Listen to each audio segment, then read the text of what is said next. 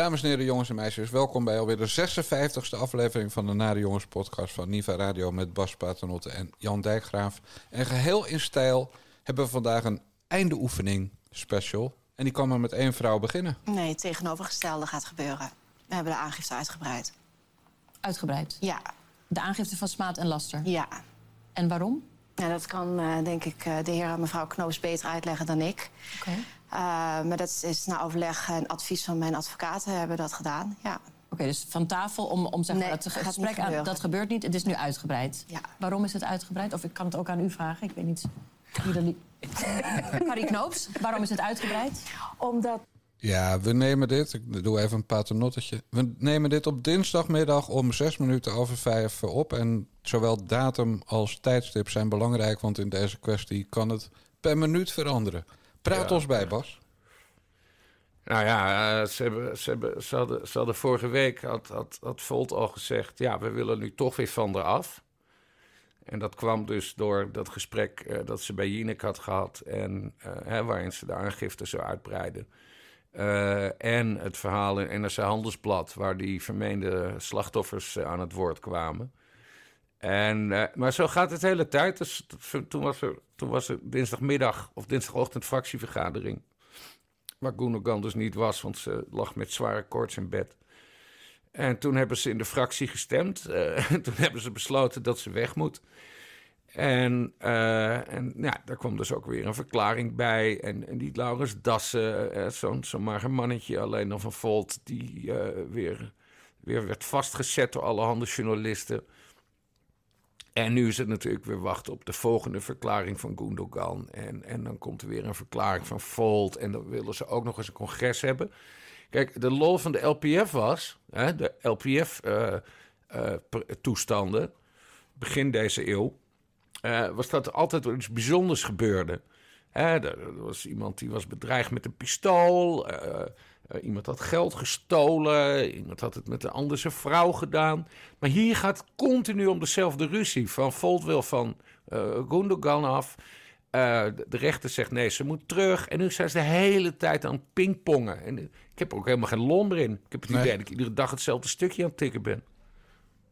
Vind je het niet leuk meer? Nee. We hebben gewoon een twintigste partij erbij.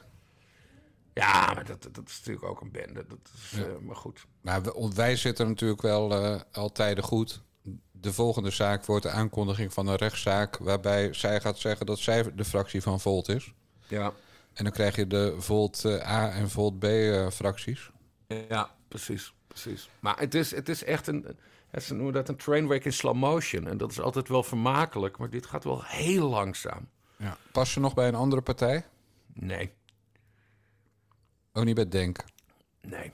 Nee, dat weet ik wel. Maar ik zit te dollen. Mensen uh, knijten links. Ik zie er, ja, eh, heel misschien, heel misschien. Ik heb het hem niet gevraagd hoor, maar, maar die is, eh, dat maakt hem toch allemaal geen bal uit. Ze zou nog bij, ehm, eh, hoe heet die, Wiebel van Haga kunnen of zo. Nou, dan gaat Van Haga, die gooit ons eigen glaas in. Dus dat is ook niks. Nee, Wat, nee, maar eh, goed, niemand, niemand wil met zo iemand meer samenwerken. Nee, maar het is natuurlijk ook gewoon een tyfuswijf. Ja, Iemand die, die constant tegen de eigen partij en tegen leden... en vooral tegen vrouwen die eh, eh, aanklachten hebben ingediend... of klachten hebben ingediend... die constant processen aanspant en aangiftes doet... die wil je er gewoon niet bij hebben. nee, nou ja, het is de grote lieve Gundogan show hè. Ja. En dat zoekt ze ook op. En, en dan gaat ze bij Jinek zitten. Nou, ze heeft die topadvocaten. en onze vrienden. en verder, eh, ja, het draait echt om haar. Ze, Ja. ze, ze wil dit tot op het laatste, ja, de laatste meter wil ze dit uitspelen. Kan niet anders. Jij zegt het draait echt om haar... maar daar heb ik toch eh, als fervent tv-kijker... inmiddels wel een andere indruk van, hoor. Het draait om haar en Geert-Jan Knoops en Carrie Knoops. mm, Want die, die twee eh, vreselijke mensen... die maken wel degelijk eh, onderdeel uit van de show. Ja, maar goed, dat, ja, maar ze worden er niet echt rijk van of zo. Hè? Ik bedoel, eh, de firma Knoops die heeft een prima, eh, prima praktijk eh, lopen. Maar er zal hun wel iets aanspreken in deze zaak. Maar ja, met deze toch mild hysterische mevrouw, als ik het zo mag zeggen. Ik heb trouwens wel eens gesproken, maar ik, ik vind het eigenlijk niet onaardig. Je kan wel normaal met haar praten. Maar ehm, ja, ik, ik, ik weet niet of ze er echt heel veel belang bij hebben om zich daarmee te associëren. Het is eerder, denk ik, een, een principe kwestie voor, voor de knoop, knoopjes. Maar wat is dan het principe? Dat is eh, kijken of er een foutje in het reglement zit. Nou ja, dat, eh, sta- staatsrechtelijk eh, kan- en, en hoe dat werkt in een fractie. En, en kun je als fractie zomaar een verkozen volksvertegenwoordiger eruit zetten. ja. En daar, is- daar is ook meer discussie over. Maar goed, vanmiddag tijdens de, aan het begin van, de, van, van het vragenuur... eh, toen werd duidelijk gezegd eh, dat Volt aan de Kamervoorzitter had eh, medegedeeld... dat mevrouw Gundogan niet meer onderdeel uitmaakt van de fractie. En Vera Bergkamp zei daar ook verder niks over. Die nam dat zeg maar gewoon aan. Ehm, maar dat zal, dat zal natuurlijk nog een discussie worden. Maar goed, er komt nu eerst dus weer een, een verklaring van Gundogan en dan gaat het maar door. Leuk man. Ja. Ja, er is ondertussen ook een soort oorlog aan de gang en zo. We worden aan Europa uitgeleverd. Er zijn echt wel belangrijke dingen aan de orde. Maar voor mevrouw Gundogan is het epicentrum van de wereld... thans en gisteren en het afgelopen jaar en in de toekomst... mevrouw Gundogan. ja. Vreselijk. Nou, ze houdt er een mooi baantje aan over. Ja. En eh, zeg maar, jouw, eh, jouw billenmaat Albus... die deze kwestie op de voet volgt... Chris Alberts. Mijn goede vriend Chris Alberts, ja. Die eh, dringt op Twitter nogal aan... Kug, kug, op het eh, vertrek van Dassen. Hoe zie jij dat als, zeg maar, emotioneel minder betrokkenen? Nou, eh, ja, kijk, dat is ook wel een aardige. Chris Alberts gaat natuurlijk daar ook niet, gaat ook niet over het vertrek van, van Dassen. Eh, nee, daar gaan eigenlijk, en dat klopt wel, een beetje de leden over. Want Dassen zal op een gegeven moment op een congres, en dat is volgende maand, verantwoording over de kwestie moeten afleggen. En als dat congres dan zegt, nou Dassen, je hebt het echt verschrikkelijk slecht gedaan. Hij mag dan gewoon in de Tweede Kamer blijven, hè, want congressen kopen geen straaljagers, eh, maar ook geen fractievoorzitters. Maar een echte fractievoorzitter van een partij, en hij is dus ook de landelijk leider van die partij, die zegt dan natuurlijk als de leden zeggen van vriend, je hebt het slecht gedaan, ja, dan, dan moet hij opstappen. Ja, dan moet hij althans weg bij Volt. Dan kan hij Ja, ook zijn eigen of fractie gewoon, beginnen. gewoon opstappen. Dan, hè, als je het dan netjes speelt, dan stap je op als fractievoorzitter en als Kamerlid. En dan, en dan, komt, dan schuift de hele club door. Ja, oké. Als je het netjes speelt, doe je de Sydney Smeets. Ja, dat is, ja nee, dat is een nog grotere, eh, nog raardere vergelijking. Nee, maar Ja, kijk, maar die is- die- was gewoon een viespeuk, dat weten we. Hè, die zat tegen het groemen van, van minderjarigen aan. Eh, die dassen, dat, dit, is, hè, dit is een puur eh, heet het, theoretische, praktische... ehm, hoe ga je om met elkaar in een fractie en, hoe- en hoe werkt dat? Hè, daar zit niks kwaads achter, maar hij heeft geen ervaring. En dit is helemaal uit de hand gelopen. Ja, en als je het zo uit de hand laat lopen... Kijk, als je iemand neerschiet, ja, dan lijkt het me logisch dat je opstapt. Maar als je gewoon dit hele, dit hele toestand, deze hele toestand uit de hand hebt laten lopen, ja, dan stap je gewoon op als je congres dat vraagt. Dus daarom wordt dat congres zo belangrijk. Eh, wat, gaat, want wat gaat de meerderheid van Volt zeggen? Ja. Ik vind het wel oude politiek hoor. Als het congres je wegstuurt, dat je dan weg moet. Ja. Nee, maar het past heel erg bij Volt. Zij zijn toch van de, van de eerlijke politiek en zo, bla bla. Nou, voorlopig is het een puinzooi. Ja. Lekker man. Ik vind het wel geniet hoor. Ik, ik, ik heb een hekel aan ordinaire schreeuwwijven op in de Tweede Kamer. ja, ze heeft trouwens maar één keer gegild, hè? En toen stond de microfoon uit. Ja, dat was eh, toen het debat geschorst werd eh, voor, eh, voor de marmot. Complot- Ja, voor de marmot. Ja. Toen heeft ze geschreeuwd. Maar helaas Ja, verder is het gewoon een ordinair mens. Kom op man. En ze heeft, eh, ze heeft eh, over bedreigingen lopen lullen. Mijn Ze moeder krijgt haar Turk. Turkse passie noemt ze het. Haar Turkse passie. Ja. Ja, Turkse passie was waarschijnlijk ook de reden dat ze dan jonge gastjes eh, appjes stuurden met ik heb zin in seks en ik Ja, nee, dat lang- noemden ze dus letterlijk Turkse passie. Dat, ze een hele, dat is heel gepassioneerd schijnbaar daar in Turkije.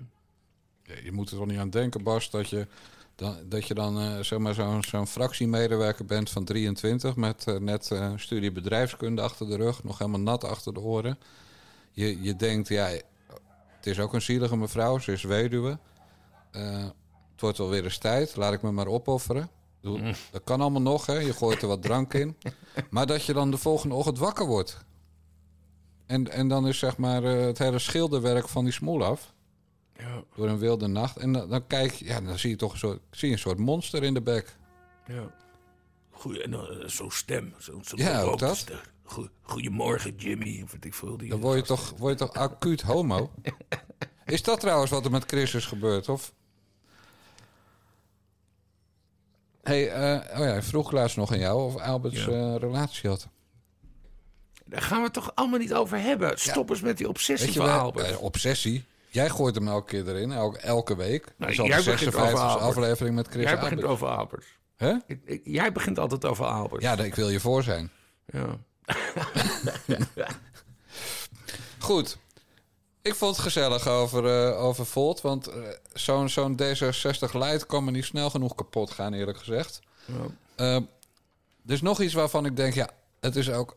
Je kan aan de ene kant zeggen het is cult, dus laat het lang bestaan. Aan de andere kant kan je zeggen het is zo'n amateuristische tyfusbende, laat het snel eh, verdwijnen. En dan heb ik het natuurlijk over de nieuwste aanwinst in omroepland Ongehoord Nederland.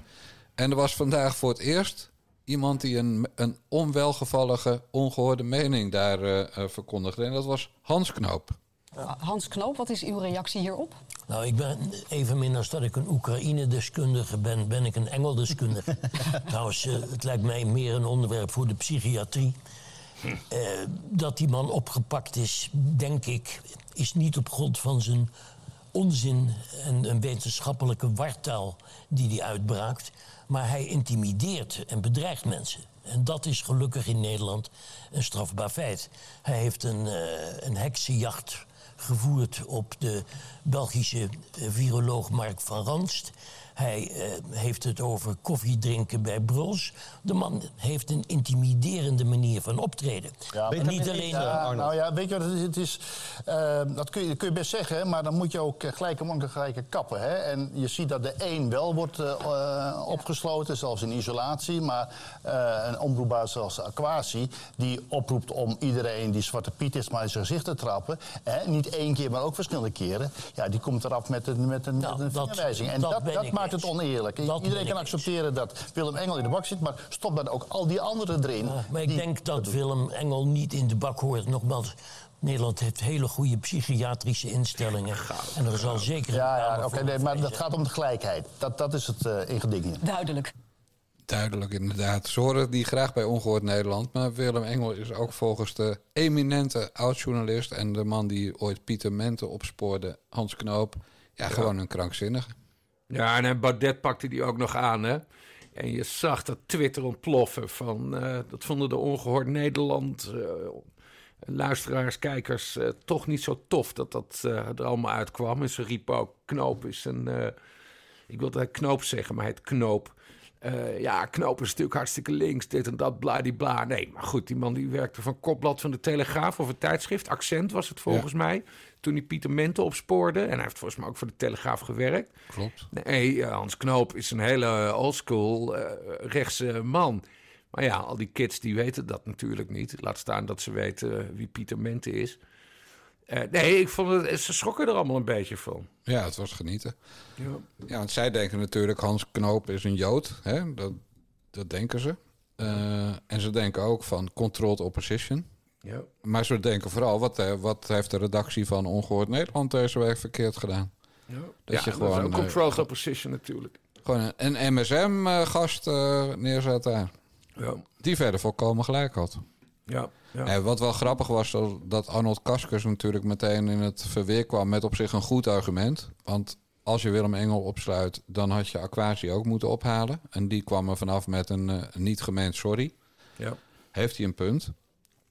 Maar wist jij dat Engel in isolatie zat? Dat was voor mij nieuws. Ja, dat zei ik wel, maar ik, ik, ik, weet, ik weet niet. Ik weet echt niet of dat zo is. Dan heeft die Pols dat gezegd, denk ik. Ja, die zei dat, ja. Oh, dan was die Pols het. Ja, nee, alleen die Pols die kan het, kan het weten. Ook al, nee, hij zit volgens mij niet in beperking. Hij zit gewoon twee weken vast. Ja, maar als hij, als hij in isolatie zit, betekent dat dat hij zich dan in het politiebureau of in de gevangenis eh, in die twee weken heeft misdragen. Dan heeft hij zich misdragen. Dan ja. heeft de gevangenisdirecteur hem in isolatie gezegd van eh, meneertje Engel, u gaat me eventjes lekker met uw eh, glas water en uw brood. in uw eentje zit... in plaats van met al dat gelul de hele tijd. Of andere gevangenen hebben geklaagd over dat Ja. stinkende haar van hem. Ja, ja, zou ook kunnen. Zou ook kunnen. Ja. Maar kijk jij trouwens elke keer naar Ongehoord Nederland? Nou, ik heb, het, ik heb het nu twee keer gemist, geloof ik. Maar ik probeer wel te kijken, omdat ik het zo grappig vind. Grappig. Ja, omdat het, het, is allemaal, het, het is allemaal geen journalistiek. Het is allemaal, daarom was dit zo'n bijzondere aflevering eh, dinsdag, eh, dinsdagmiddag. Het was een keer niet eh, voorspelbaar, want Hans Knoop die ging dus los. Ja. Had ook nog Normaal aardig weet je, als, het onderwerp, als, als ze de onderwerpen vertellen, dan weet je al hoe het hele item eruit ziet en wie wat, wie wat gaat zeggen. Ja, wat ook wel aardig was, was dat hij nog tegen Van Houwelingen Pepijn eh, Ja. begon over, eh, over de holocaustontkenning door eh Forum mensen. Ja, precies. Dat was ook wel heel grappig. Ja, En toen ging, ging Van Houwelingen alleen maar door op vrijheid van meningsuiting. ja, hij ontkende dus nergens dat de holocaust ook ontkend werd door FVD'ers. ja. Vond ik wel een missertje van hem eerlijk gezegd. Ik ben vooral heel erg benieuwd of eh, Hans Knoop nog een keer mag aanschuiven. Wat denk je zelf? Nee, ik denk het niet. Nee, natuurlijk niet. Nee. Terwijl Knoop, eh, Knoop keurig reclame zat te maken voor die stichting van Arnold Kaskus... die oorlogsmisdadigers eh, voor het Ja. gerecht wil brengen. Ja, maar met die stichting is ook niks mis. Daar is Arnold, eh, daar heb ik honderd jaar geleden al over geschreven. Daar is hij al heel lang mee bezig om al die dossiers boven water te krijgen. Omdat er echt nog steeds oorlogsmisdadigers leven uit de Tweede Wereldoorlog. Hè? Dus NSB'ers en Nederlandse SS'ers en zo. Het, eh, hij heeft een keer een berekening gemaakt, dat was tien jaar geleden, dat het nog een paar honderd zouden zijn. Nou, het zijn nu inmiddels nog een paar, nou, tientallen. Want al die mannen die zijn nu ook al eh, eind negentig. Maar Arnold eh, heeft heel lang zijn best gedaan om al die dossiers boven water te krijgen. Dat ligt dan allemaal in een onderdeel van het Nationaal Archief. Maar dat mag dan vanwege privacy-overwegingen mag dat niet worden vrijgegeven. Wat bizar is. Want eh, Arnold is wel echt een nazi-jager hoor. Ja, dat klopt. Hij, Dat- heeft, hij, hij was eh, heel goed in die rol. Ja, En hij is ook zeer vasthoudend, eh, mede dankzij giften uit de Joodse gemeenschap. Overigens, mensen, als jullie willen, geld willen geven aan die stichting van Arnold Kaskus, zoek maar even op hoe die heet. Als je denkt van, nou ja, weet je, doe het liever aan de Nare Jongens, kan dat ook gewoon. Dat kan dan via eh, de Nare Jongens podcast op tpo.nl, via narejongens.backme.org of via bunk met een q.me slash Niva Radio. Eh, maar ja, van Arnold weet ik dus helaas niet eh, waar je moet zijn. Dus ja, dan maar bij ons. maar het was lachen in ieder geval. Ja, Alleen de laatste keer voor Knoop. ja dat denk ik ook. En eh Kaskus, die heeft, eh, ik denk dat er nu negen afleveringen zijn geweest. Ja, zoiets. Dus Kaskus, die scoort 33% En eh, dat is best wel veel voor een omroepvoorzitter. Ja. Me dunkt. Ja, verder is, gaat het technisch zoveel fout. Eh, dat is echt... weet je, onze techniek is nog beter in orde. Het was wel grappig, dat- nog één, één opmerking daarover. Hoe heet onze vriend, Ahmed Arad? Ahmed, ja? Ja, die had het dus over, hè, dat het ook ging over collaboratie. eh, Ja, ja, ja. En, en, en toen moesten ze uitleggen wat de collaboratie was, want ze wisten niet zeker of de luisteraar dat moeilijke woord wel kende. Dus dat vond ik wel schattig. Zeg jij nu eigenlijk dat de, kijkers van ongehoord eh, nieuws dom zijn? Nou ja, als je op Twitter kijkt eh, naar die reacties terwijl zo'n uitzending speelt, ja, ze zijn wel ongelooflijk dom. Domme. Bas, Ze weten sowieso niet wie, wie Knoop is. Nou, Bas, dan ik heb zit je net- niet goed geïnformeerd. ik zit net even te vertellen waar de mensen bij ons kunnen doneren. En dat zijn ook deze mensen. Ik bedoel, een 10 euro van iemand die slim is, is dezelfde 10 euro als 10 euro van iemand die ongehoord nieuws kijkt. Nou, En dan ga jij Eh, ze zitten ik- afbranden. ik kijk wel eens waar al dat geld eh, vandaan komt. eh, ook al is het te weinig wat de mensen aan ons overmaken wekelijks. Nou, dat zijn allemaal hele nette, keurige mensen die met hun eigen naam een centje voor ons storten.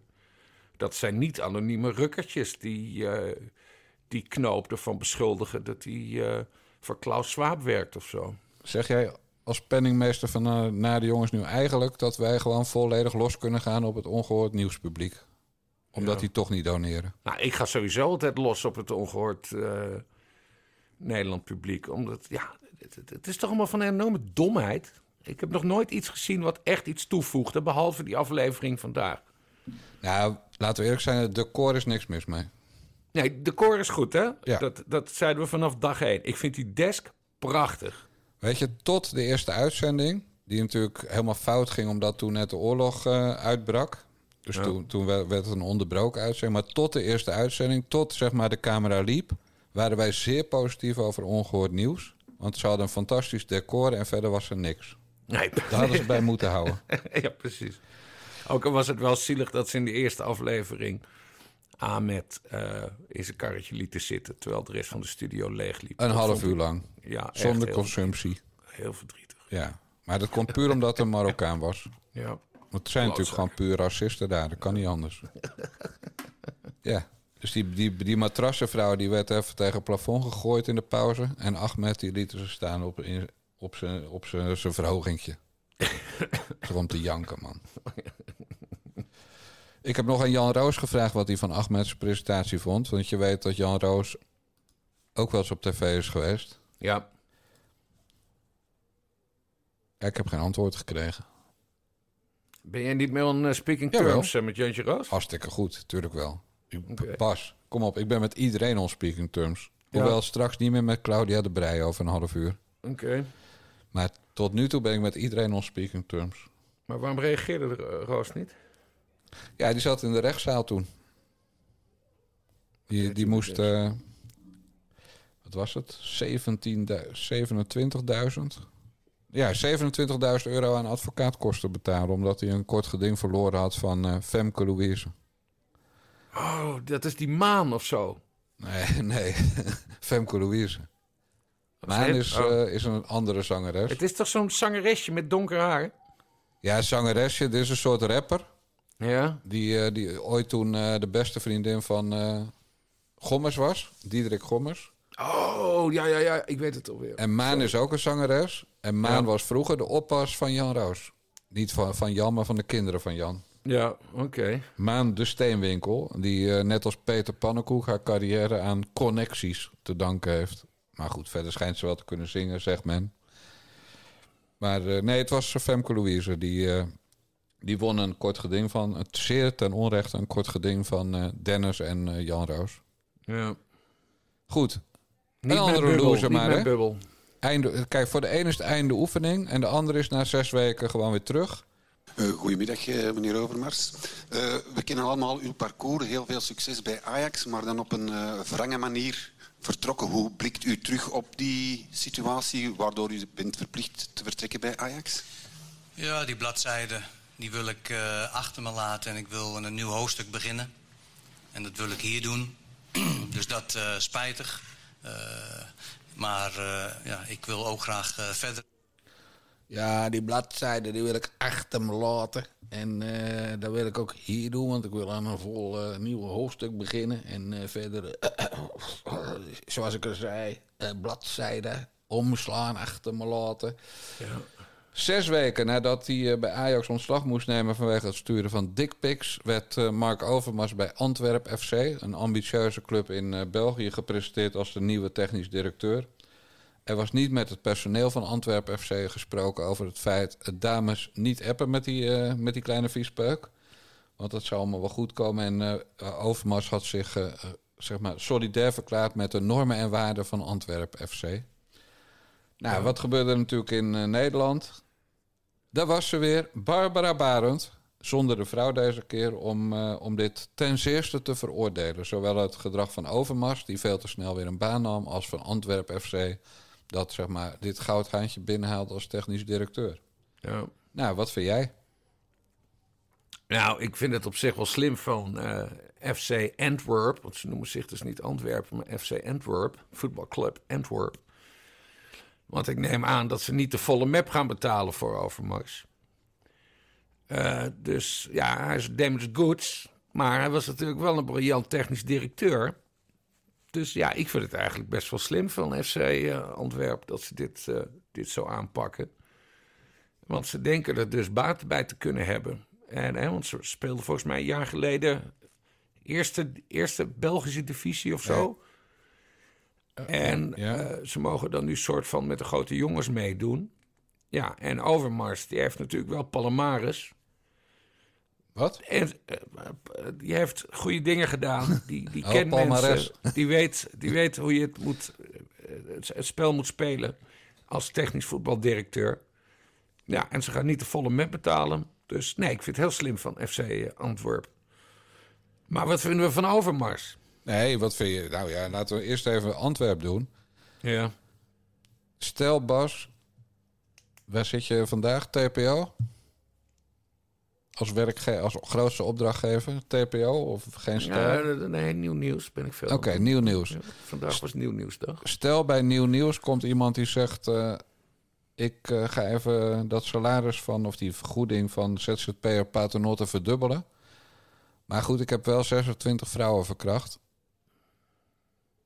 Zeg je dan, eh, nou wel slim van nieuw nieuws dat ze die gast aannemen, want ik ga het dubbele verdienen. Ja, maar ik Of- heb geen of zeg 26 je- vrouwen voor elkaar. Nee, is vergelijking slaat nergens op. Ik snap gewoon dat dat, dat FC Antwerpen deze keuze maakt. Je kan het ook niet doen, omdat dat die Ja, man eerst ook even een jaartje in de luwte moet. Ja, maar dan is de vraag dus veel interessanter. Waarom doet Overmars het? Nou, oké, dan doe, je, doe eerst de overmast dan maar. Want daar heeft Barbara Barend het over. Zij ook het te Antwerpen. vroeg. Immoreel nee, om maar zo ze iemand aan het een baan vroeg voor. Overmars, dat zei ze net. Oftewel, Barbara Barend die, be- die bepaalt op een bepaalde manier... wanneer iemand in zo'n kwestie is terechtgekomen... wanneer die weer mag werken. Bas, hij zegt niet ik heb spijt. Hij zegt het is spijtig. Dat is hetzelfde als ik vind het heel veel. Als jij eh, je beledigd voelt door mijn stukje, dan spijt mij dat voor jou. Dus hij toont geen enkel berouw voor zijn eventuele zonden. Ja. Hij vindt het wel zonde, want anders was hij niet opgestapt toen in één keer. Dan had hij het Ja. aangevochten. Had hij Ja. gezegd, niet aanstellen, gewoon een paar geinige appjes gestuurd. Ja. Dus hij, hij toont geen enkel berouw. Hij was na twee weken al in gesprek met Antwerp en diverse andere clubs. Hm. Het is volstrekt waanzin dat hij zo snel is gaan werken. Of, vind ik ook een, eh, een bespreekbare optie... het stelt allemaal niet zoveel voor wat hij gedaan heeft. Maar dat heeft hij ook nooit gezegd. Dus dan had hij dat moeten doen. Had hij moeten Gundogannen. Dat is allemaal niet Ja. waar.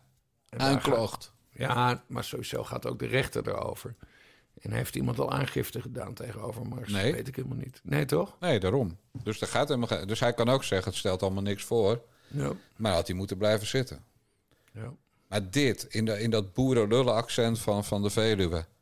Ja, spijtig, bladzij omslaan, nieuw hoofdstuk toe. Drie clichés, eh, eh, eh. En over tot de orde van de dag. Ik snap Ja. dat wel. Maar de wereld waarin dat kan is wel ziek. Er kan eh, Jeroen Rietbergen drummer worden bij de band van... eh, nou, bij Genesis of zo. Nee, natuurlijk niet. Nee. En zeker niet bij een andere talentenjacht waar ook kinderen rondlopen. Ja. Nee, maar dit is, dit is voetbal. En als die club en die Overmars... want ze hebben natuurlijk lang met elkaar gepraat... denken, hier komen we mee weg. Nou ja, zo zit de voetbalwereld schijnbaar in elkaar. Ja. En wat, en wat moeten we dan doen? Moeten we, moeten we sancties eh, gaan opleggen aan FC Antwerp? Moeten we voetbal gaan verbieden? Nee, dit is toch dit is schijnbaar hoe het gaat. Ja, ja, daar kun je wat van vinden. Maar dat moet je ook gewoon nuchter constateren. Ik ga nu zeggen wat ik echt vind. Oké. Mark Overmars heeft geen vrouw aangeraakt. Die heeft eh, wat appjes gestuurd met, met foto's van dat lulletje van hem. Ja. Wat op zich al gênant is. Van mannetjes van 1,71 meter als die dat doen. Ja, en omdat er een dakje overhangt, hè? Met die Exact. buik van hem. Dus, is Mark Overmars die heeft, nog eens zijn best moeten doen ook. die heeft foute appjes gestuurd. Ja. En die moet van iedereen aan de aller, aller, aller, allerhoogste boom. We hebben ook een Kamerlid van Volt. Dat heeft appjes gestuurd. Dat heeft op konten geslagen. Dat heeft seksueel eh, mensen geïntimideerd. Dat heeft mensen zwaar beledigd, geschoffeerd, uitgescholden alsof het varkens zijn. En die zien we als soort slachtoffer telkens bij de Jinek aanschuiven.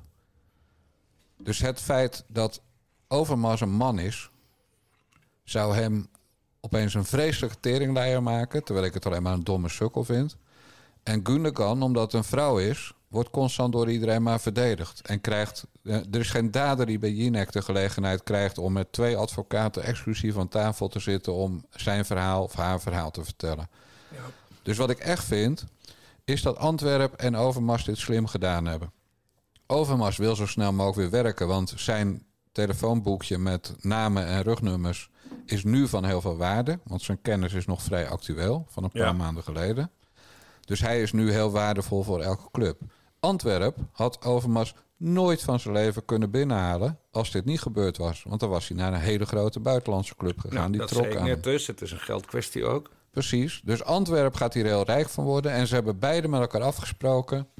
Weet je, we laten gewoon die media-sukkels... laten gewoon twee dagen tegen ons aan pissen. En vanaf dag drie, Mark, ga je hier lekker in Antwerp wonen. Ga je in een Ja. mooi huisje zitten. Ga jij eh, aan het werk en ga jij voor ons miljoenen verdienen. En voor jezelf ook.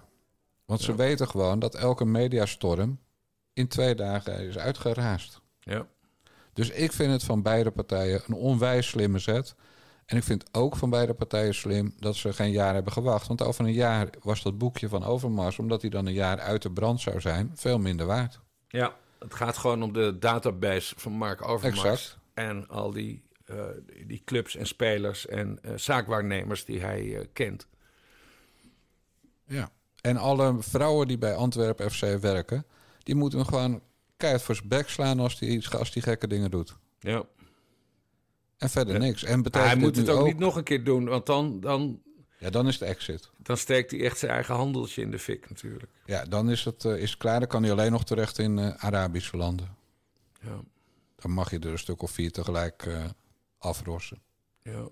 Maar betekent dit nu ook dat Jeroen Rietbergen weer aan de slag mag en dat Ali B enzovoort? Nee, dat niet. Want die werken in programma's met kinderen van het andere geslacht. Nee, en eh Rietberg en Ali B. die worden verdacht, eh, of althans Strafbare feiten. tegengedaan van, van, van aanranding en verkrachting. Exact. En dat heeft Overmars niet, eh, niet gedaan natuurlijk. Nee. Dus dat was mijn eerlijke mening. Ik ben hartstikke blij met, met de transfer van Overmars. En, en als Feyenoord-supporter... Ik heb natuurlijk zondag voor het eerst in tijden weer eens van een Feyenoord-Ajax, Ajax-Feyenoord genoten. Omdat Ja. we voor het eerst sinds ik eh, leven ongeveer beter waren. Nou, in elk geval voor het eerst in jaren structureel beter waren dan Ajax. Dus wat ik hoop is dat Antwerp FC alsnog kampioen van België wordt dit jaar. Ze staan nu derde. Hmm. Dat Ajax eh, nou ja, ook de Champions League haalt. Dat ze volgend jaar tegen elkaar spelen. En hoop ik dat Mark Overmars op de tribune bij de tweede wedstrijd, dus de, zeg maar de beslissende van, van twee, bijvoorbeeld in de achtste finale of de kwartfinale, juichend op de tribune staat. Ja, dat is dan wel ultieme wraak ook. Hè? Dat hoop ik. Ja. En dat hij dan, als die Barbara Barend ziet zitten, zijn gulpje open doet, dat dingetje eruit haalt en even vriendelijk naar de zwaai. Naar de zwaait. Dat hoop ik. Oh man, we moeten ook een keer een aparte voetbalpodcast Ik ben maken. opeens fan van Mark Overmars. Ja, ja, ja, ik ook. Maar wat ik wel echt heel treurig vind, is dat, dat die man echt, en ook wel heel bizar, zo goed zijn in iets. Hè, in dit geval de handel in spelers. Het zien van wat de goede spelers zijn, maar de handel vooral. Zo, en zo slecht praten. Zo slecht uit je woorden kunnen komen. Ja, maar hij komt uit Ede, toch? Eh, nee, een klein dorpje in de buurt van, eh, ja, wel in die buurt, maar Emst of zo. Ja, nog kleiner dan. eh, hij heeft samen met zijn vader een heel pakket huizen. Hij heeft, eh, zijn vader heeft een, een bedrijf in autoklassiekers of had. Dat is, dat is zeg maar de passie van de familie. Mm. Maar ja, het feit dat je uit Ede komt of Epe Nee, of Epe. Emst. Epe. Wel Hij speelde ook bij Epe. Ik heb daar, ik heb daar nog een keer... Ja, maar het plaatsje waar hij woonde was anders. Dat was Emst, dacht ik. Ja. Maar maakt niet uit. Maar, maar je doet nu net alsof ze op de Veluwe allemaal verbaal gehandicapt zijn. Nou ja, ze hebben wel een... eh, oh, hier, ik heb al gevonden. Ik had er zo'n leuk stukje over geschreven. Wil je het Ja, voorlezen? Nee, ja, die hele toestand eh, met Overmars... die kwam dus naar buiten eh, begin februari. En toen verscheen er een stuk in de Stentor... dat er crisisoverleg was bij voetbalclub eh, SV Epe. Eh, want hij woont dus in Epe en hij was het boegbeeld van de lokale eh, club. En SV Epe organiseert jaarlijks het Mark Overmars paastoernooi. Ja, ja. En toen moesten die arme Epenaren, wat volgens mij een heel klein dorpje is daar, eh, allemaal in conclave. En uiteindelijk hebben ze dus alle banden met eh, Overmars verbroken. Want zijn, zijn gedragingen passen niet bij de normen en waarden die de club uitdraagt. Nou, dat En klopt dat wel. is het grappig, want eh, daar denkt dus FC Antwerpen anders over. Ja. Dus SV Epe had een geweldige technisch directeur kunnen binnen. Hadden ze alleen nog wel een budget nodig gehad. Maar... Nee, want die man verdient zichzelf terug. Dat is juist het grappige. Die heeft, Ja. zo, die heeft honderden miljoenen voor Ajax verdiend, hè? In die tien Ja. jaar. Honderden. Ik geloof 300. Ja, Dus die kost helemaal niks. Die, die levert alleen maar geld op. ja oké. maar- En hij hoeft nooit meer te werken. Hè? Dus hij is echt multi, multi, multimiljonair. Dus hij, hij doet het gewoon omdat hij eh, ja, wil werken. Ja. En in die wereld wil zitten. En eh, hij schijnt ook niks eh, zwart op wit te hebben. Alles in zijn hoofd. Oké. Ja, geweldige man. Ja. Ja, en dan gaan Nou, we nu... het, kan, eh, het kan verkeren. Precies. De nare jongens zijn opeens helemaal pro-Mark Overmars. Ja, zo is dat. Ik ga nu weer een vriendin verliezen, vrees ik. Laat je horen voor Claudia de Brij.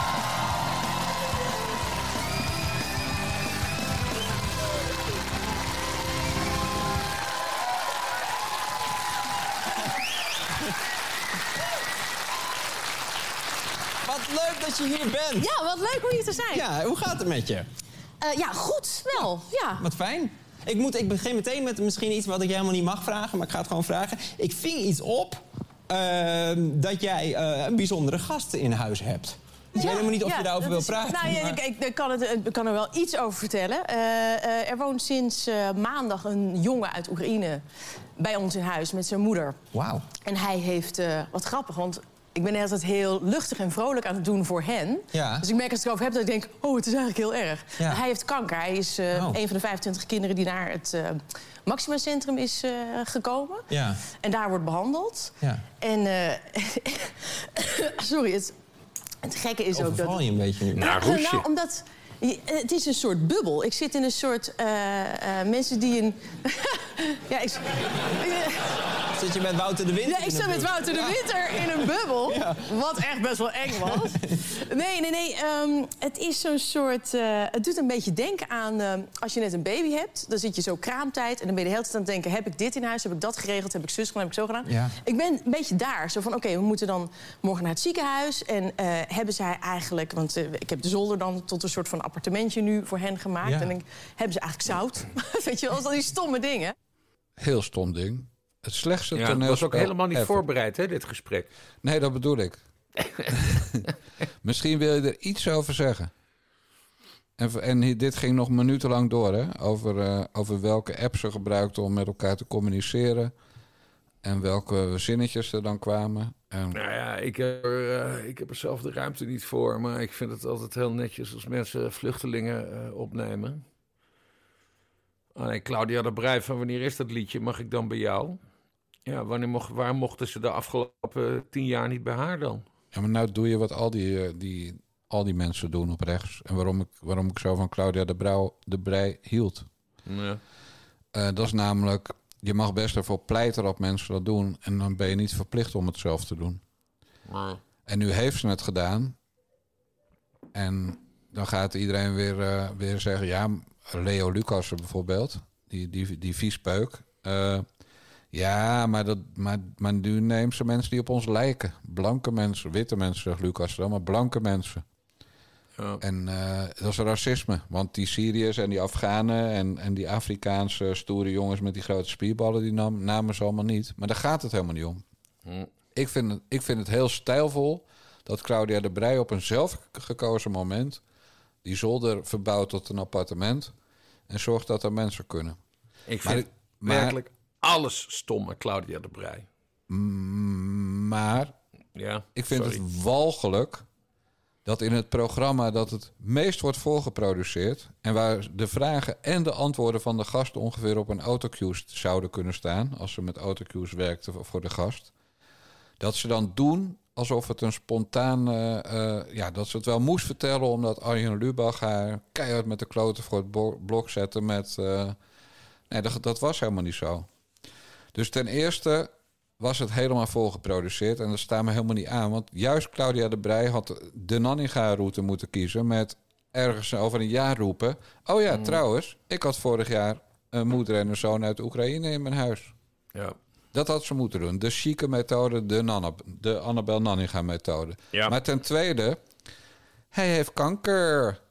Ja. Donderstraal op. Niet vertellen.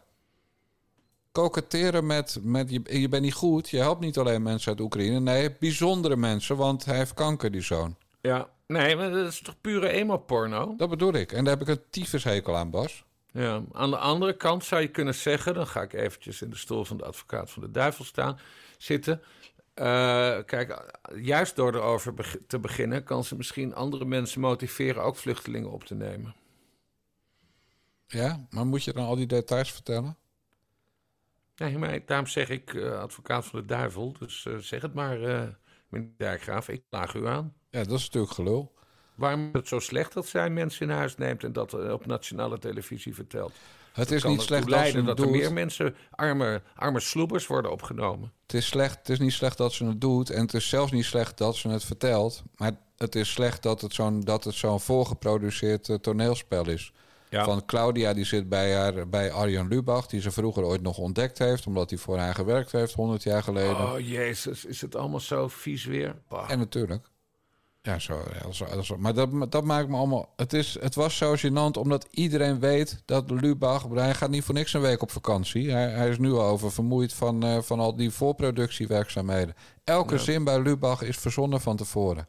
Ja. Dus natuurlijk eh, is Claudia... Goh, Claudia, jij, eh, jij, jij hebt een eh, vluchteling in huis. Daar gaan we het natuurlijk wel over hebben vandaag. Ja. Oh ja, maar dat, dat komt over alsof ik koketteer met het feit dat ik vluchtelingen opvang. Nou, dan doen we gewoon net alsof we het niet wisten... en dat we het een heel spontane vraag stellen met... ik heb opgevangen, ik weet niet of je het erover wil hebben. Nee, maar dat maakt het zo vies inderdaad. Dat is vies. Ja, ja. En eigenlijk verwijt ik het Claudia niet eens... want Claudia is echt een topper. Jij mag ook Claudia zeggen? Zeker.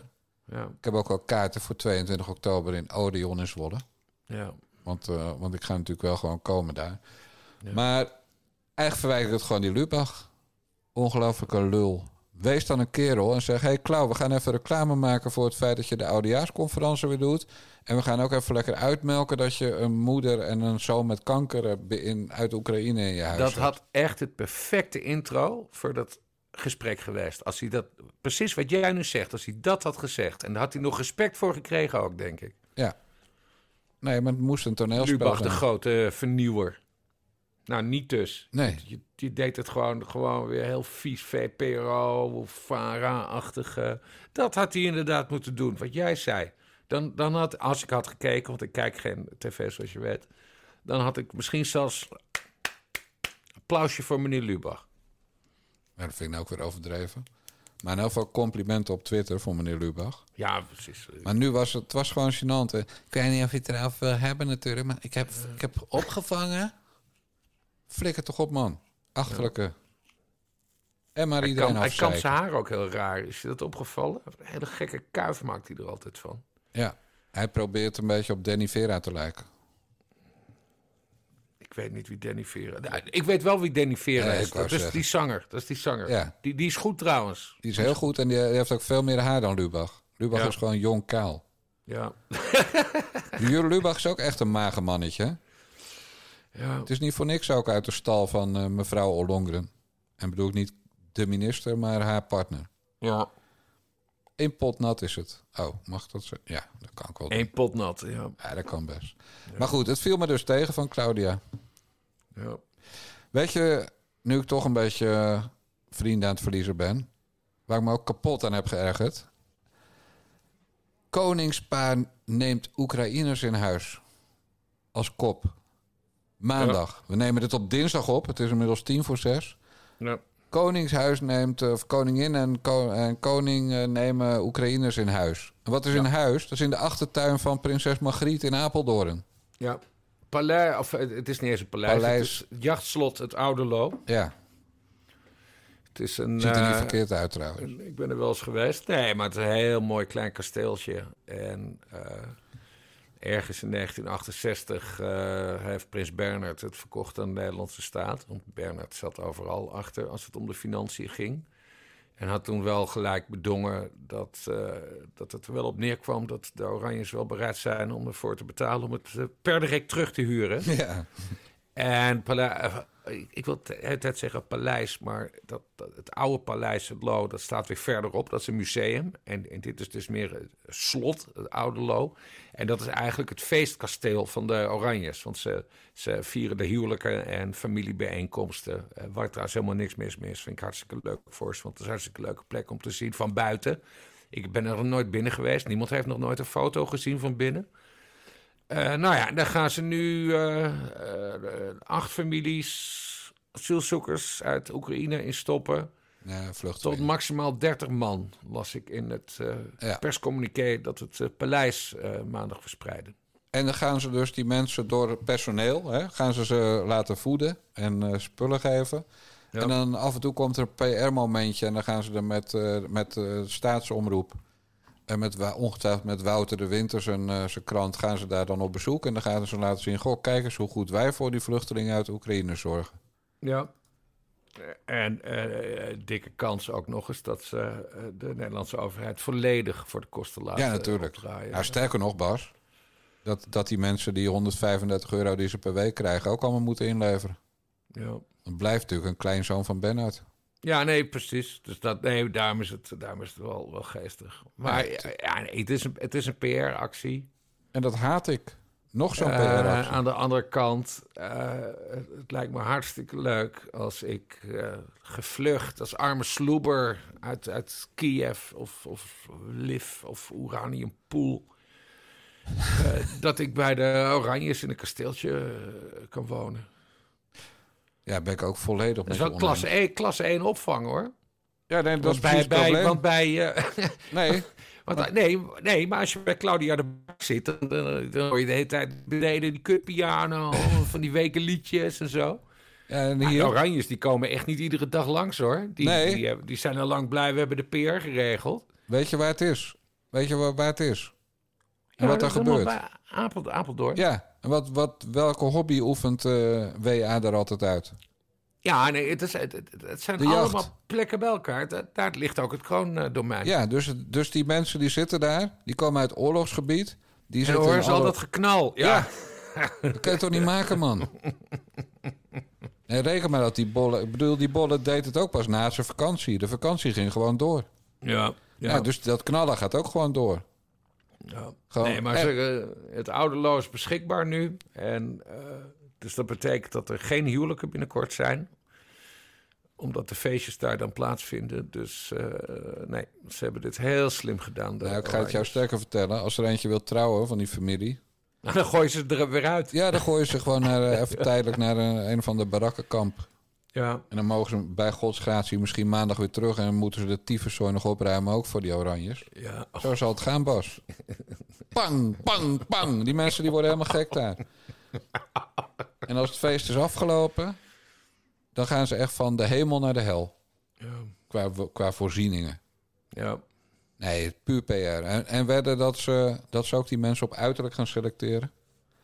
Dat ze echt niet eh, vrouwen met, eh, met rotte tanden en gaten in hun gebit en zo eh, er neer gaan zetten. En, en, en, eh, en, en zeg maar niet die hele agressieve Oostblok koppen. Ze gaan echt selecteren op, eh, ziet er een beetje uit. koppen. Ja. Ja, dat is toch zo. Dus ik, ben, eh, ik vind het echt belachelijk dat, dat media meewerken aan... Koninklijk paar vangt Oekraïners op. Flikker op, man. Nee, het zijn, ik, ik, ik heb het nog even het perscommuniqué erbij gepakt. Hè. Het heet dus officieel Slot, het oude lo. Aanspraak is gemaakt in opdracht van eh zijn majesteit de koning, de huurder van het slot, tussen de dienst van het koninklijk huis, het Rijksvastgoedbedrijf, en dat is dus de eigenaar. Hè. Dus eigenlijk zijn wij belastingbetalers de eigenaar. En dan natuurlijk nog het, eh, het COA. En dan komen er ook nog veiligheidsregio's bij kijken. En de gemeente Apeldoorn. En ik heb nu de cijfers paraat. De, naar verwachting zullen zes tot acht gezinnen, oftewel 20 tot 30 personen, er gebruik van kunnen maken. Ook zo pijnlijk. Zijn helemaal geen gezinnen. Nee, maar dit geeft aan dat ze gezinnen. Hier, nou, dat is, dit geeft al aan, besef ik, eh, besef ik nu. eh, wat jij zei, hoe groot die PR is. Eh, ze gaan dus voor gezinnen, want dat oogt beter op camera. Dus, en we gaan niet voor een, een individuele vluchteling. Zielige kindjes. We gaan voor, voor gezinnen, zes tot acht gezinnen. Ja. Want dat oogt het beste. En dan, en dat, dat, dat, ja, oh, dat wordt natuurlijk prachtig. Want dan gaan ze ook in de tuin foto's maken met het gezin van de, de, de- gewoon, eh, de moedige vorst, de lieve vorstin en de, en de lieve prinsesjes. En dan samen met die zes tot acht Oekraïense gezinnen. Ja, ik zie de PR helemaal voor mij. En er is er maar één man. En dat is Willem-Alexander. Ja. Kijk, ik ben een ouderwetse lul. Mijn gezin is in principe twee ouders en kinderen. Ja. Eh, dus ik zei per se, ik zei bewust niet man, vrouw en twee kinderen, maar twee ouders en twee kinderen. Maar vrij standaard is nog altijd, zeker in een bananenrepubliek als Oekraïne, een man en vrouw en kinderen. Ja. Maar die mannen zitten daar nog in de oorlog.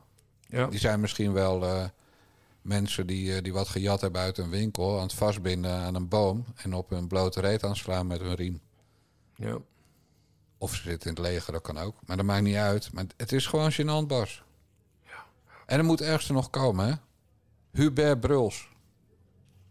Jij die hebt het wel over je grachtenpand. Maar hij komt binnenkort, klopt eh, de, de, st- de stoenbaanclub van eh, Hubert Bruls bij je aan. En is het gewoon aufmachen. En dan ben jij gewoon je mooie studeerkamer kwijt. Ja, nee, dat werd, natuurlijk, dat werd natuurlijk verkeerd uitgelegd. Want het is, ik acht het uitgesloten dat de Nederlandse overheid eh, particuliere woningbezitters of huurders, want ik ben gewoon een huurder, ehm, eh, gedwongen worden vluchtelingen op te nemen. Want dat, dat kan helemaal niet. En dan, dan krijg je ook honderdduizend rechtszaken. Het gaat er volgens mij meer om dat Bruls eh, wil dat, wat ik helemaal geen slecht idee vind qua leegstand van kantoorpanden, eh, dat hij eh, kantoorpanden wil onteigenen en daar tijdelijk eh, asielopvang in wil, wil plaatsen. Maar het blijft irritant aan Hubert Bruls. Ik had het er nog op Twitter over, want hij stond dus weer bij Nieuwsuur te blaten. Die, die ontzettend vervelende gehaktbal. Ook al ook heeft die man een leuk voorstel, je bent er gewoon op tegen. Het ja, is omdat hij het is. het is zo'n regenteske eikel. Met die, met die eh, ja echt, ik, ik heb niks tegen dikke mensen. Maar als je met zo'n pens in die camera staat van... ja, jullie moeten dit en dat doen, bla bla bla bla bla, bla bla bla bla bla. Daar hou ik niet van. Ze moeten, hè, want het is dat veiligheidsberaad... dat is de, de club van de 25 burgemeesters... die de veiligheidsregio eh, eh, uitmaken. Ja, daar is hij voorzitter van. En eh, het bestaat sowieso sinds 2007. Hè. Het is niet dat, dat dit door de corona komt of zo, maar we zijn ons nu bewust van het veiligheidsberaad door de coronacrisis, omdat we dus de hele tijd Bruls zien. Het wordt dus tijd dat hij dat die, dat die wordt vervangen als voorzitter. Ik bedoel, doe, doe- ja, oude burgemeester van Utrecht, nu Den Haag, Jan van Zanen. Ja. Die zou prima dit soort dingen, is ook een, ook een liberaal, hè, Bruls is CDA. Eh, Jan van Zanen zou dit soort eh, maatregelen van we gaan heel misschien kantoorpanden onteigenen en dat overwegen, hè, dus heel veel slagen om de arm. Jan van Zanen zou dat perfect bij Nieuwsuur kunnen uitleggen. maar nee, dan komt u Talib wel... Ja. Nou, Hij Bruls heeft roept zijn naam ook, ook, eh, niet eens mee. Niks hij- deugt aan die van. Hij roept ook gewoon noodwet, noodwet, noodwet. Ja, echt. Ja. Ja, Laten we na twee jaar skepsis over, over het coronavirus op nationale televisie het woord noodwet in de mond nemen. Nee, Hubert Bruls. Dan, zo, zo krijg je niemand mee voor je beleid als je het over een noodwet gaat hebben. Nee. Hij kan niks. Het is verschrikkelijk. Ja, het wordt echt tijd dat het nieuws uit gaat lekken dat Hubert Bruls eh, met zijn worstenvingers aan eh, dames op het kantoor heeft gezeten bij het, in het gemeentehuis van Nijmegen. En eh, gedwongen wordt tot aftreden. Ja, dat zijn Of, de, of dat de dickpics van Hubert Bruls uit, eh Nou, uitlekken. maar- dan hadden we het over het afdakje van Overmars. Deze is helemaal onzichtbaar, denk ik. Ja, ik blijf het mooiste verhaal over Hubert, Hubert Bruls de paprika chips vinden. Van, dat- dat hij van zijn vrouwen het alleen nog maar van Pringles mocht hebben... omdat hij met die worsthanden ze moeilijker uit die koker kreeg... dan uit een grote zak chips. Dat, een chipsverslaafde voorzitter van het Veiligheidsberaad. Oh, man. Ongekozen. Nee, maar eens toch? Jan van Sanen zou dit gewoon moeten doen. Ja, of Abu Talib. Abu Talib zou het ook kunnen Maar niet Halsma. Nee. Nee, laten wij even dan verpleiten om de burgemeester van de één na of twee na grootste stad van Nederland voorzitter vast te maken van het Veiligheidsberaad. Ja. En dan Ja. gooi je wel een muntje of het nummer twee of nummer drie wordt. Ja. Over muntjes gesproken. Ik heb me aan mijn belofte gehouden.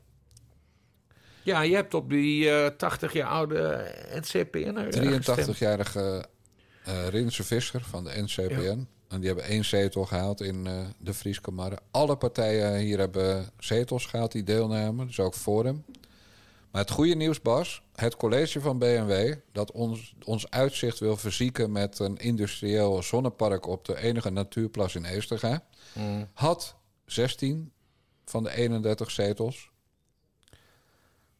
Ja, of 17 zelfs, weet ik niet. Maar in ieder geval had een meerderheid en Ja. heeft nu nog maar 15 zetels. Dus geen meerderheid meer in het college. Oké. En de partijen die gewonnen hebben en die fors gewonnen hebben, waren allemaal en zijn allemaal tegen eh, zonneparken op natuur. Dus de natuurplas blijft vrij. Nou, zover zijn we nog lang niet. Maar Ja. er is dus hoop. Ja, dan heeft dat ene, dat, die, die muntgooi, eh, toch veel betekend. Mijn Ja, die- marxistische kandidaat, die, eh, die Michel eh, Eggermond, die heeft niet gewonnen. Die hele socialisten Utrecht hebben niet gewonnen. Geen zetel. Nee, niks. Ah, dat, is dan, eh, dat is dan jammer voor je. Ja. Maar goed, wij zijn dus hier in, eh in Eesterga blij met de uitslag van de gemeenteraadsverkiezingen. Ja. En ja, CDA verloren, dat is sowieso een goede zaak. Grootste partij, de FNP, Friese Nationale Partij. Dus goed man. Dus die hadden je steun niet nodig, die ene stem. Nee, en ook nog een hogere opkomst dan vier jaar geleden. Oké. Ik, ik zie eigenlijk alleen maar goed nieuws. Mag ook wel eens gezegd worden. Frieske Marre, het is eigenlijk het hart van de, de democratie. Ja. Ja. En oh ja, ook nog heel goed nieuws. D66 een zetel verloren, van 2 naar 1. Ah, dat is altijd goed als D66 zetels verliest. Ja. Dus Ja. eh, ja, eigenlijk alleen maar goed nieuws. En de, Ja. de wethouder van de PvdA, die ons hier in de buurt met zijn arrogante smoelwerk bloed onder de nagels vandaan heeft gehaald. Met jullie moeten niet zo zeuren over die plas. Maar ik ben wel blij dat ik er zelf niet tegenover woon. Die heeft ook een zetel verloren. Dus die keert eh, zeer waarschijnlijk niet terug in het college. Ja, oké. Interesting. En als hij wel terugkeert in het college, dan zal hij na het beluisteren van deze podcast desnoods hoogstpersoonlijk die paar duizend zonnepanelen op die plas komen le- leggen. Omdat hij een zijn ze dan tyfushekel aan heeft. weer. Ja, Zo gaan die dingen. mooi.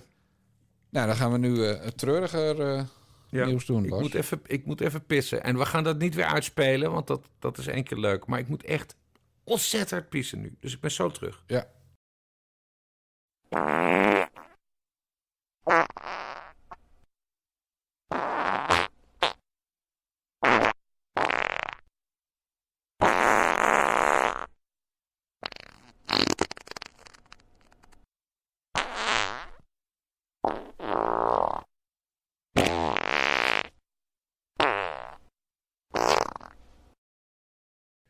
Daar ben ik weer.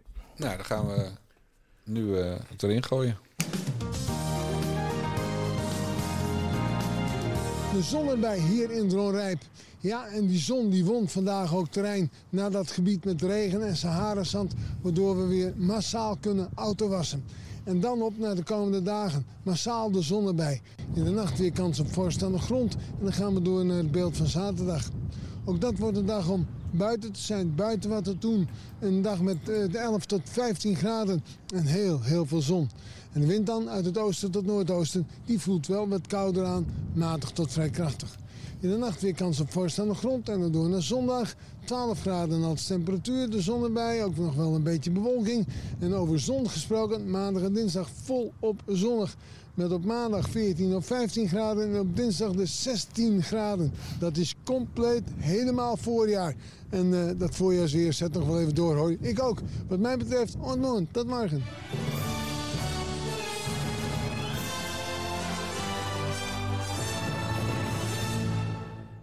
Dit was donderdagavond, de laatste tv-uitzending van eh, Piet Paulusma.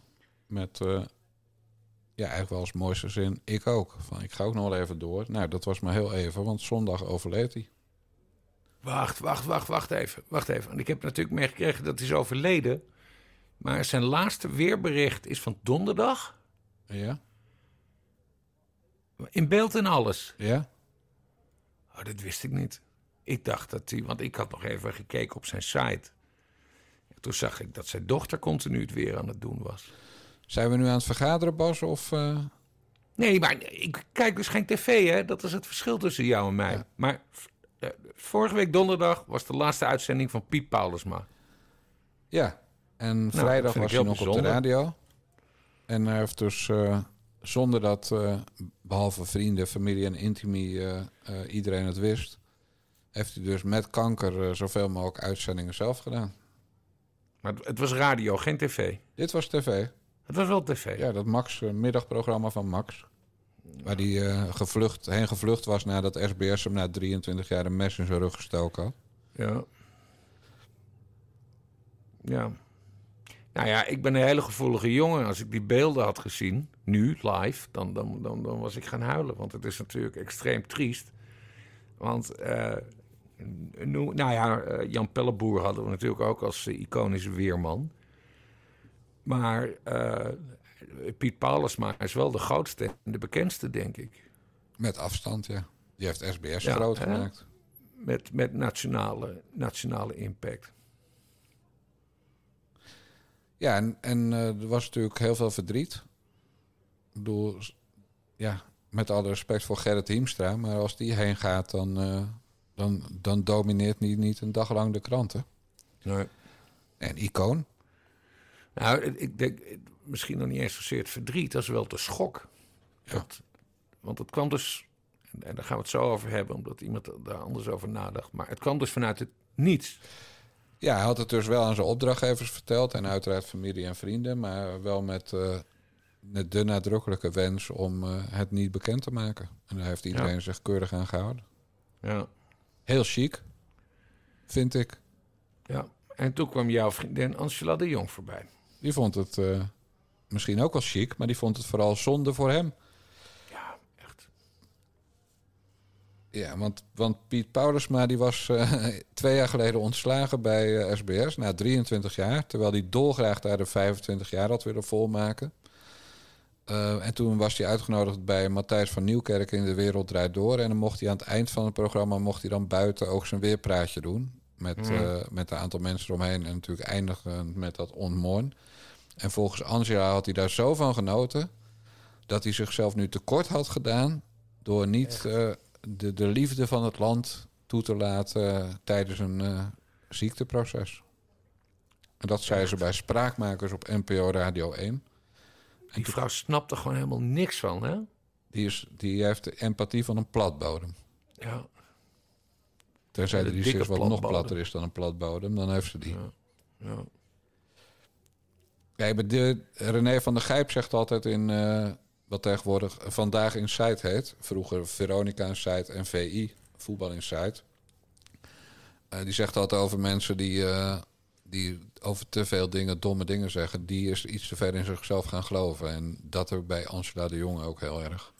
Ja. Ik bedoel, het is juist... Er is helemaal niks tegen in te brengen dat iemand die er zelf voor kiest... om op een bepaalde manier richting dood te gaan... dat is voor die persoon en voor zijn naast... is dat per definitie de beste manier. Ja. Dus als iemand het heel erg wil exploiteren... zoals Jan Rot met zijn wekelijkse column... eh, bij onze Sarah van Gorp in het Algemeen Dagblad magazine... Ja. dan moet Jan Rot weten. En die, die... zijn goed recht. Als je, hè, ehm, die zoon van ehm, Maurice de Hond. Ja, Mark. Mark de Hond. Die heeft een hele theatershow gemaakt eh, over zijn eh, terminale ziekte. Ik weet trouwens niet of hij toen al terminaal was, maar hij is er wel de theaters mee ingetrokken. En hij heeft toen een keer in een interview gezegd van... het gaat me niet eens zozeer om jullie, het gaat me vooral om mijn kinderen. Dat ze al die, die video's kunnen... Ja. Dus dat is je eigen keuze. Dus, en ik heb er alle respect voor dat Jaron dat eh, doet. En dat de hond dat deed. Maar deze obese mevrouw van het Algemeen Dagblad... Die, het, het lichaam was nog warm. Die dat is niet waar Paulusma trouwens. gaat verwijten dat hij, dat, hij, dat hij zichzelf iets ontzegd heeft. Wat de fuck? Ja. Hoe, hoe, hoe kun je zoiets bedenken? Nou, dat komt omdat zij dat in haar bubbel alles draait om tv en om media en om aandacht. Daar, da- daarom kan je dat Ja. denken. Ja. Kijk, ik, ik, ben, ik zeg net van ik vind dat iedereen die, die een keuze maakt om op een bepaalde manier richting dood te gaan, gelijk heeft, per definitie. Maar ik had natuurlijk ook wel eens kromme tenen als Bibian Mentel voor de 480.000ste keer eh, op tv was om haar verhaal te vertellen. Dat was voor jouw informatie die snowboardster. Die, eh, Ja, nee, weet ik. oh, Die is vorig ja. jaar overleden, toch? Ja, en Denzel Dumfries is een voetballer. Ja. Ja, nee, dus... eh, en, en Denzel als is Isa- gezond, jongens, voor de goede orde. Ja, en als Isa Hoes, tien jaar na de dood van mijn eh, oude dorpsgenoot uit Bergambacht, Anthony Kamerling, weer een boek uitbrengt, samen met de zoon in dit geval, met hun zoon, Ja. denk ik ook wel eens van ja, weet je, moet Het dat is, nou? het i- nou, en toch is het je goed recht om het Ja, uit te melken. precies. Natuurlijk is dat, dat, dat, dat, dat kan. Dat Maar kan. als zo'n nuchtere Fries als Piet, als die gewoon zegt, eh, ik doe het eh, in stilte, ik heb geen zin in al die vragen, bijvoorbeeld, kan een argument zijn. Of Ja. Ik wil gewoon dat mensen mij herinneren als de weerman die bijna in het harnas is gestorven. Ja. Ja, dan, dan is dat eh, zijn keuze. En dan, dan moet je gewoon respecteren en je bek verder houden, Angela de Jong. Ja. En, en bovendien, weet je, het is ook niet echt nieuw, hè, geloof ik, die emo-porno. Jij had nog, jij had nog wat oude stukken opgedoken. Ja, nee, eh, daar hadden we het, daar hadden we het voor de uitzending even, even kort over. Eh, kom, hoe heet hij nou? Het is een, eh, in principe een oud collega van ons bij... Ton Oostveen. eh, ja, eh, Ja. Ton Oostveen. Dit is dus voor mijn tijd bij Panorama. Ook maar voor mijn tijd. Ook, bij- ook bij jou, maar we, we kennen het verhaal beide. Want begin jaren 90 was Ton Oostveen ontslagen bij HP De Tijd... en ging toen werken voor Panorama waar wij groot zijn geworden, zeg ik maar even. Eh, en die kreeg longkanker. En die heeft toen daar een hele, hele serie over geschreven met Panorama. En als ik in Amsterdam was eh, bij mijn grootouders eh, logeren als knaap, dan mijn, mijn, mijn grootvader was standaard, tandtechnieker. En die had in de wachtkamer had hij de leesmap, dat bestaat ook niet meer, maar daar lag de panorama in. En zo ken ik de naam Ton Oostveen. En die schreef dus een hele column over dat hij longkanker had. Maar op een gegeven moment, eh, dat klinkt heel cru, maar hij wilde maar niet doodgaan. ja. Want hij was wel opgegeven, maar hij wilde niet doodgaan. En toen heeft Koos van Zomeren, dat is, eh, dat is, een, eh, dat is een schrijver. Onze, onze luisteraars zijn hoog opgeleid. En eh, Koos van Zomeren, die heeft toen een soort tegenkolom in NRC Handelsblad. Is, ja, het is echt heel erg hoor, maar dat, zo ging dat begin jaren negentig. Die is toen een, eh, een column in NRC Handelsblad gaan schrijven onder, onder pseudoniem. En eh, dat, dat zou dan worden geschreven door Arnold Verdamme, eh, de aan kanker lijdende verslaggever van, een, van, een, van een populair magazine. Dus alles wees ook op, eh, Ton op, op, op. En, maar hij- hij, schrijft dan op een gegeven moment ook... even kijken hoor, ik had zo'n mooi quoteje gevonden. Het Requiem van Verdamme, zo heet die serie. Het werd later ook een boekje, geschreven door Koos van Zomer. En dan komt, het, komt deze eh, dialoog opeens voorbij. Eh, dan zegt die hoofdredacteur eh, tegen die Verdamme van... Nou willen we pijn verdammen, past de hoofdredacteur de bedremmelde journalist op een gegeven moment toe.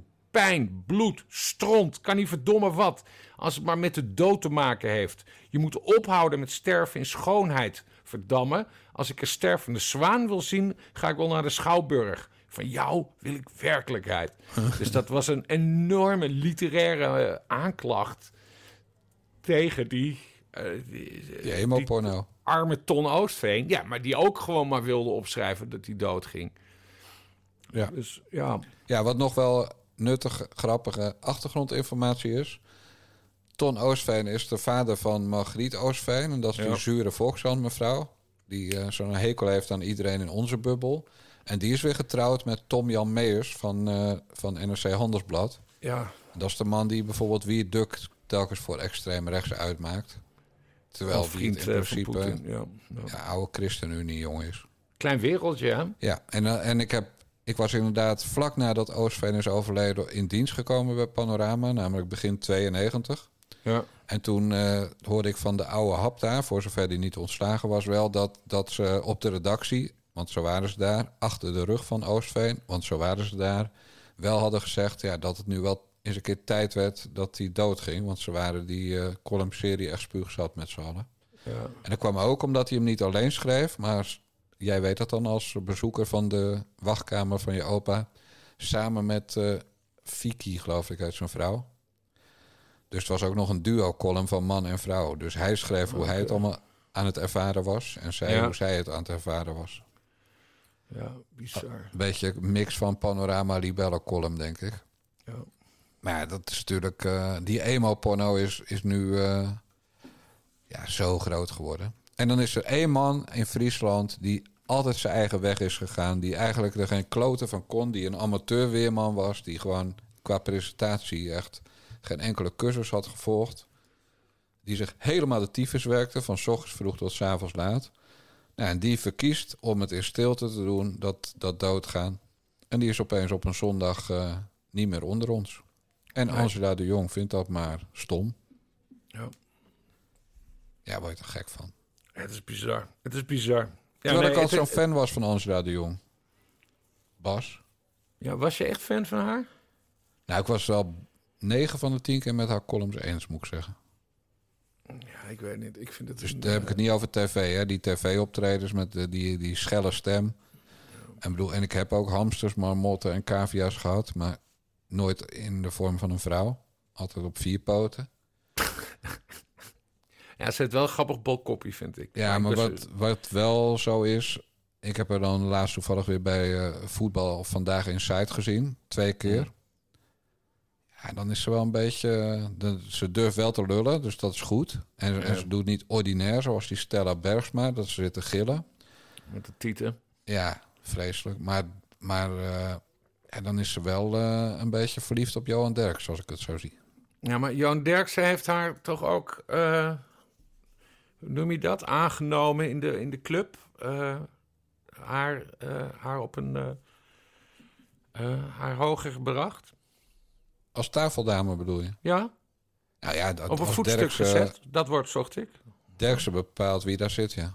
Ja. Dus Gené roept 300 namen en Derksen keurt er 298 af. Ja.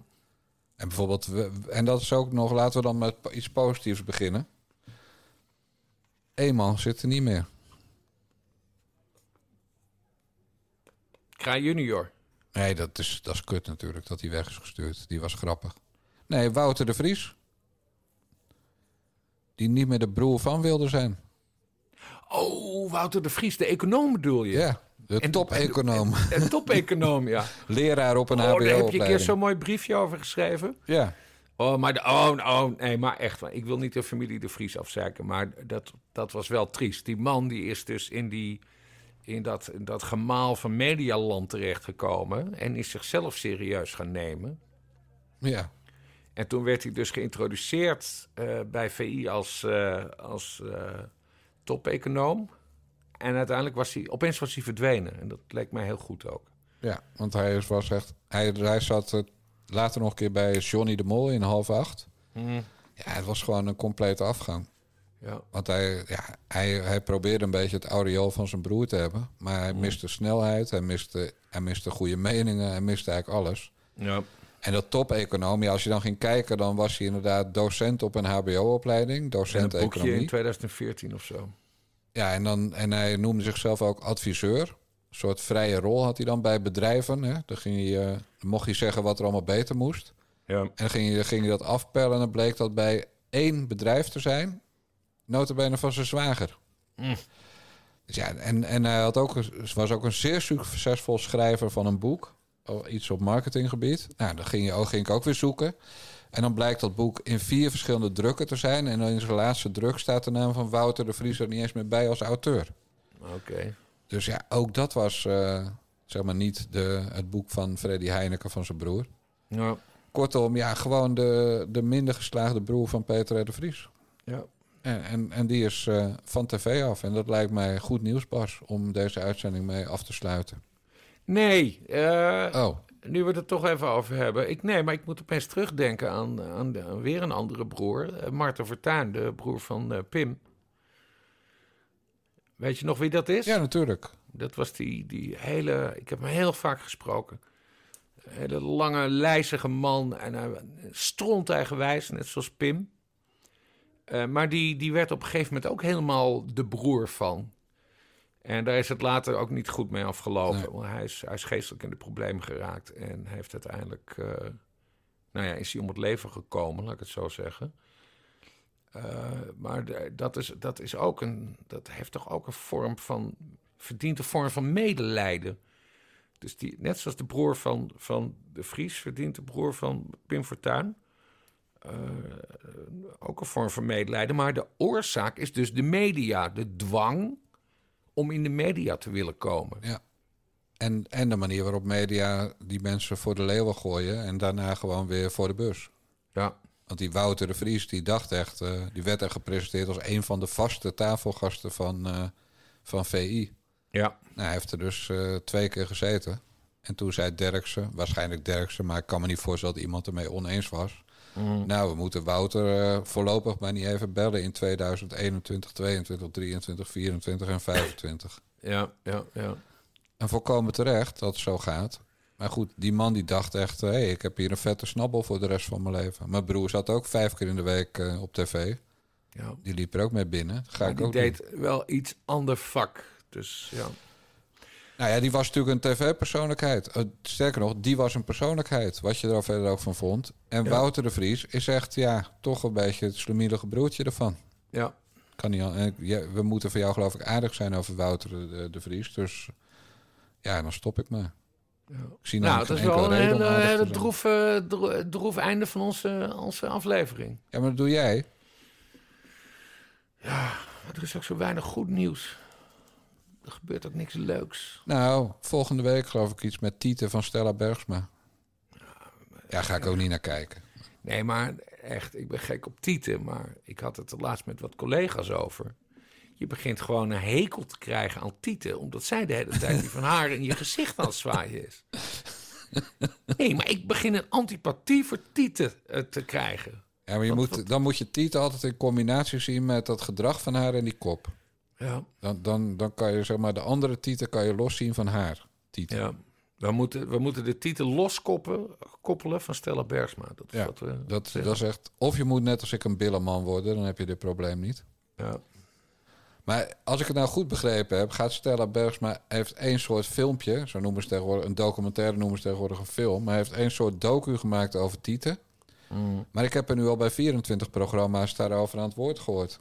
En ik zie telkens eh, bij net 5 rechtsboven in het scherm, want ik kijk net 5, zie ik maar reclame voor dat Tieten-ding van haar.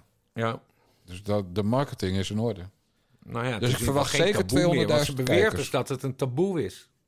Ja, dat klopt. Maar dat was in de tijd dat Toon Oostveen nog gezond was. Ja. Best verkochte covers van Panorama. Tieten? Altijd tieten. Vroeger, ja. Ja. Ja, hoe het nu is, weet ik niet meer, want ik schrijf niet meer voor papier. Maar eh, In mijn tijd was het Pamela Anderson. Pamela Anderson en eh, die Britse vrouw. eh, ze is later bodybuilder geworden. Ze heeft de naam veranderd. Ja, dan, dan- hij is een man geworden, of niet? Nee, nee, nee, nee, Oh. nee. Nee, nee. Nou, dan weet ik het niet. Kut, hoe heet ze nou? Eh, ze was getrouwd met, met die zanger en, en Andre. Peter Oh. Agassi. Nee, Nee. Of zo. Ik weet echt niet over wie je het hebt. Ja, wacht nou even. Je weet dat ik me alleen op Nederland concentreer. De slechts verkochte cover weet ik nog wel. Daar stond ik op. Met En- welk, eh, welk verhaal? De kiloknaller. Ik viel toen in eh, 13 weken 13 kilo af. Met, het, eh, met een variant op het Atkins-dieet. Dus heel Mm. veel eh, eieren en vlees eten. En er stond een voor- en na-foto van mij op de cover. En dat was dat, in elk geval dat jaar de slechts verkochte cover. En terecht. En dat was trouwens wel de eerste keer dat een tijdschrift dat deed, volgens mij.